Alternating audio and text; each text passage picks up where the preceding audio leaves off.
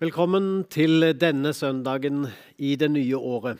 Og fortsatt så er vi på nett og ikke i kirkesalen for dere alle som eh, ser på og hører på.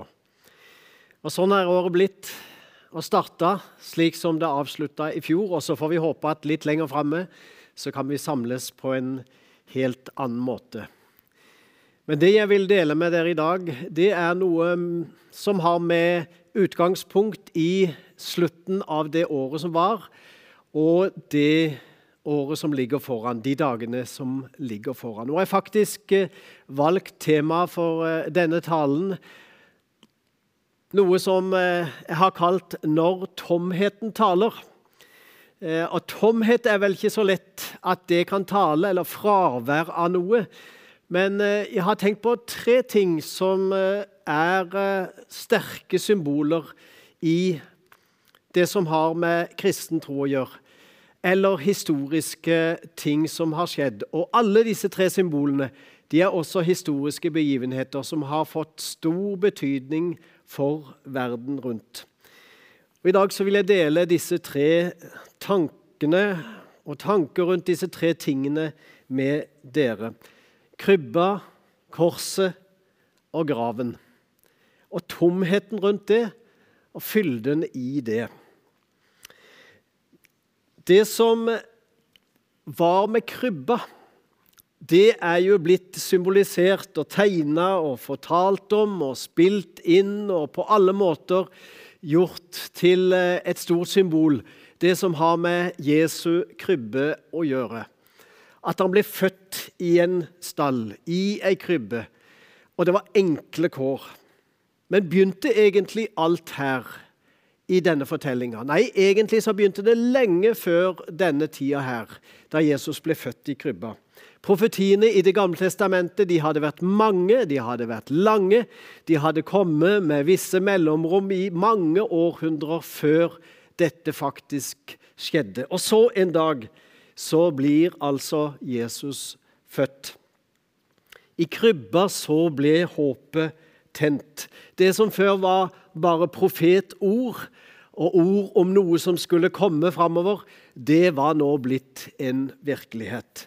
Gud ble rett og slett menneske. Han ble kjøtt og blod, han ble en av oss.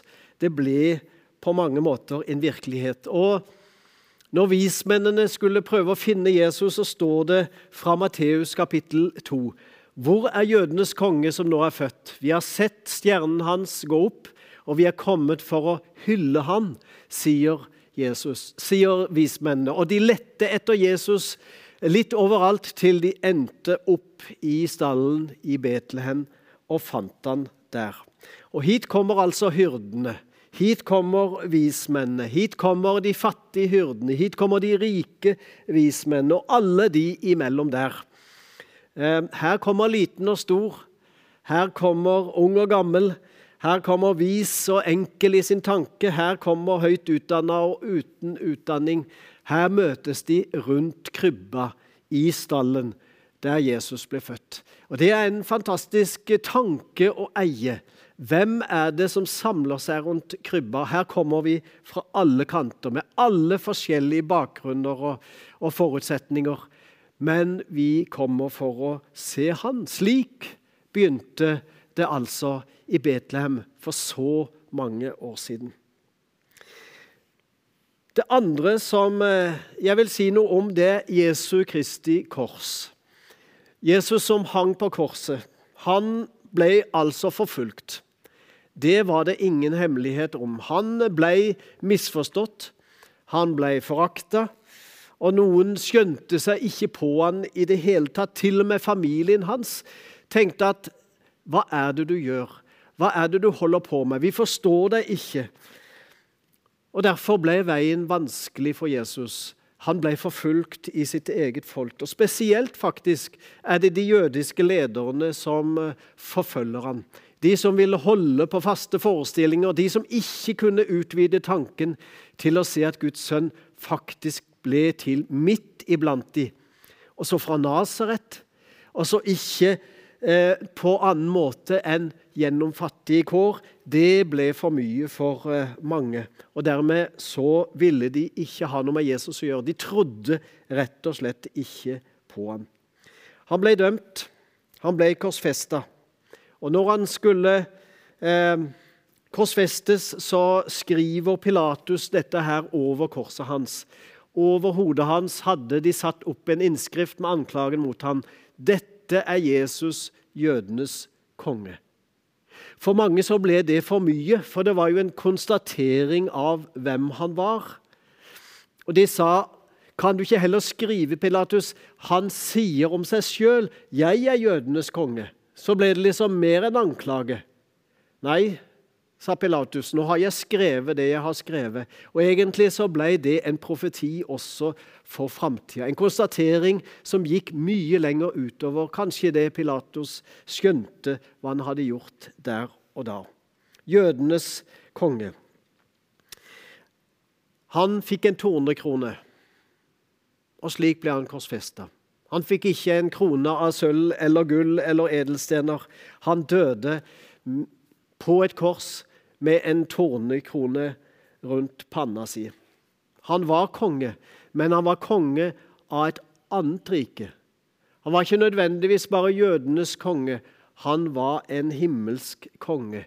Det var det få som skjønte, om noen skjønte det i det hele tatt på den tida.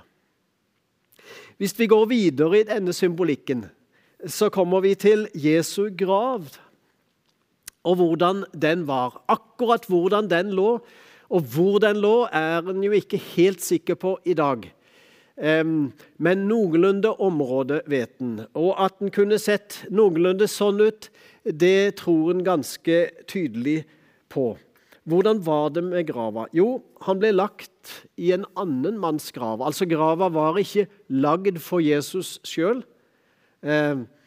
For det var jo ikke planlagt sånn i utgangspunktet hvordan og når Jesus skulle dø, i hvert fall ikke av mennesker.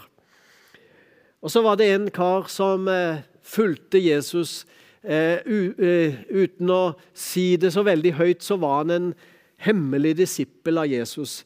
Og så står det her i eh, slutten av Matteus evangelium Josef, altså Det var Josef fra Arimathea, det var ikke Josef Jesu far men Josef fra Arimathea tok Jesu kropp, svøpte den i et rent linklede og la den i en ny grav som var hugget ut til han selv i bergveggen. Så rullet han en stor stein foran inngangen og gikk. Slik ble Jesus gravlagt. Og Det er nesten rart å tenke på, men opp gjennom historien så har det vært eh, lagd mange bilder rundt disse sterke symbolene. Både av krybba og av korset og av grava.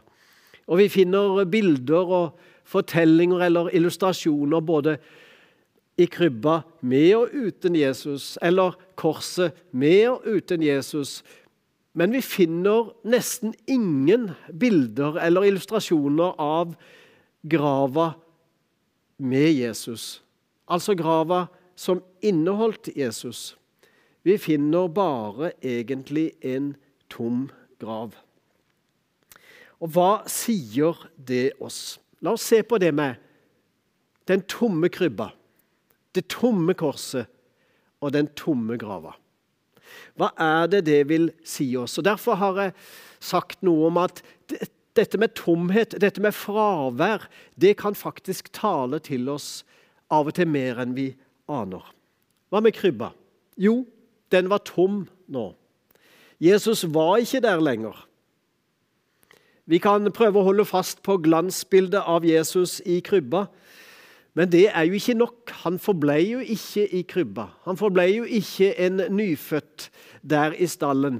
Det var bare en kort tid. Det var bare starten. Den viser oss der han lå i begynnelsen, men ikke lenge. Det ble starten på et liv som skulle vare 33 år før han døde. Um, og så kan vi tenke at veldig mange syns at uh, det med krybbe med Jesus i, det uh, er et flott symbol. Det er noe koselig ved det, det er noe varmt ved det, og det er brukt uh, og blitt illustrert på masse forskjellige måter opp gjennom historien. Og skulle ikke forundre meg om veldig mange har et eh, symbol til jul hjemme, en liten julekrybbe et eller annet sted. Hjemme hos oss så sparer vi gjerne på julekrybber fra forskjellige steder i verden. Og vi har funnet mange typer eksempler på hvordan en har tenkt at, at krybba der Jesus ble født, så ut. Og stallen og rommet rundt.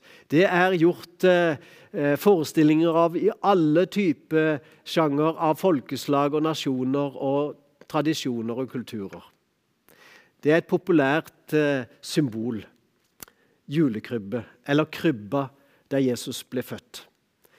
Men så er det bare det at hvis vi stopper ved krybba, så har vi på en måte ikke fått tak i Jesus i det hele tatt.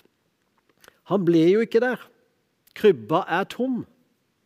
Og så på korset, hvis vi går til korset, så var det jo et døds- og drapsinstrument egentlig på den tida.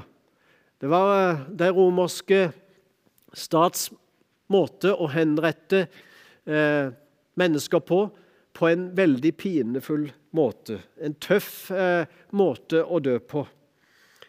Og Det skal jo tale om at Jesus døde for oss. Han ble pint og plaga, og han døde på et kors for oss. En gang for alle.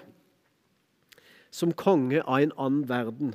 Som konge av et evig rike som aldri skal falle bort. Og så forble ikke Jesus eh, på korset. Det er lagd musikkstykker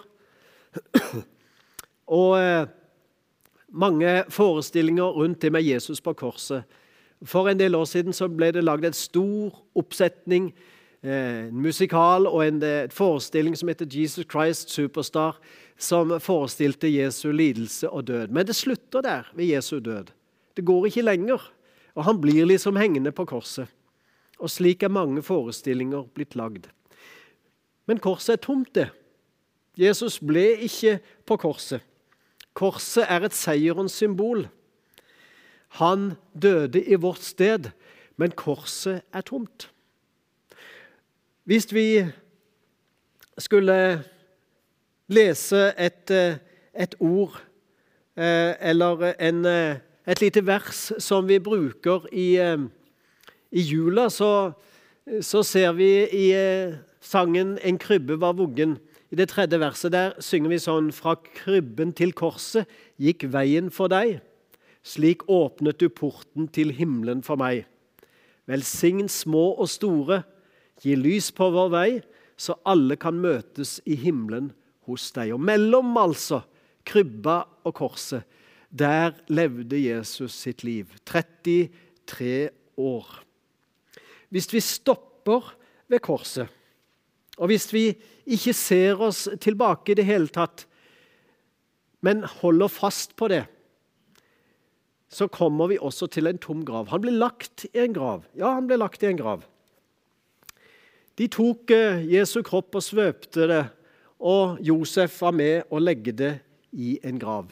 Men han ble jo ikke værende i grava, for grava den er tom. Den viser at døden ikke er den endelige slutt.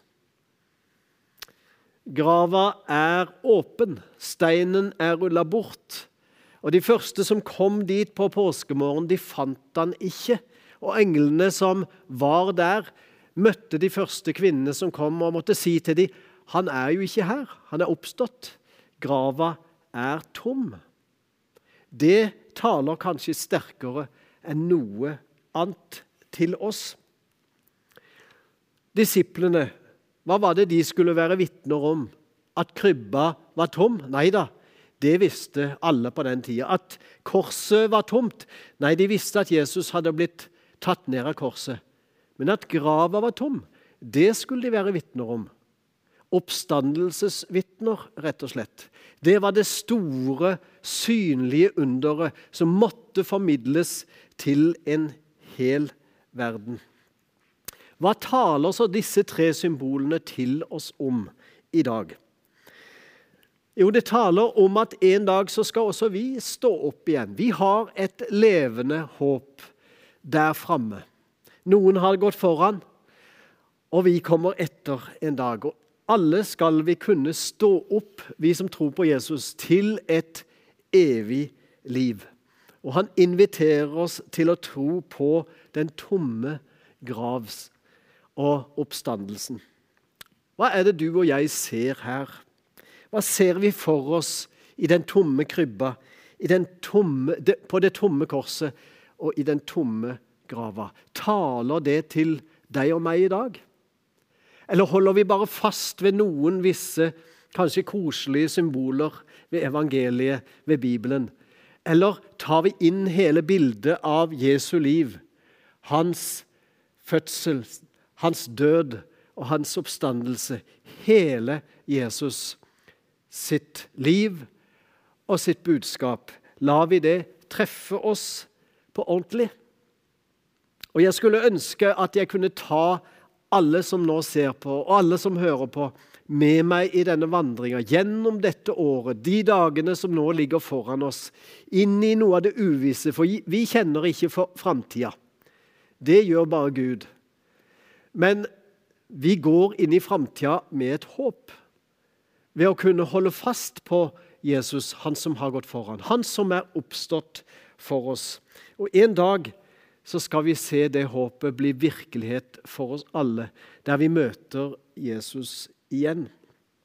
Derfor vil jeg ønske deg for dette nye året at vi stiller oss det spørsmålet Hva ser du og jeg i den tomme krybba? På det tomme korset og ut av den tomme grava? Hva er det som taler til meg og deg der? Ta imot det. Still deg det spørsmålet og grunn på det. Og la det bli grunnen for ditt liv og din tro ut igjennom dette nye året. Må Gud velsigne deg. Amen.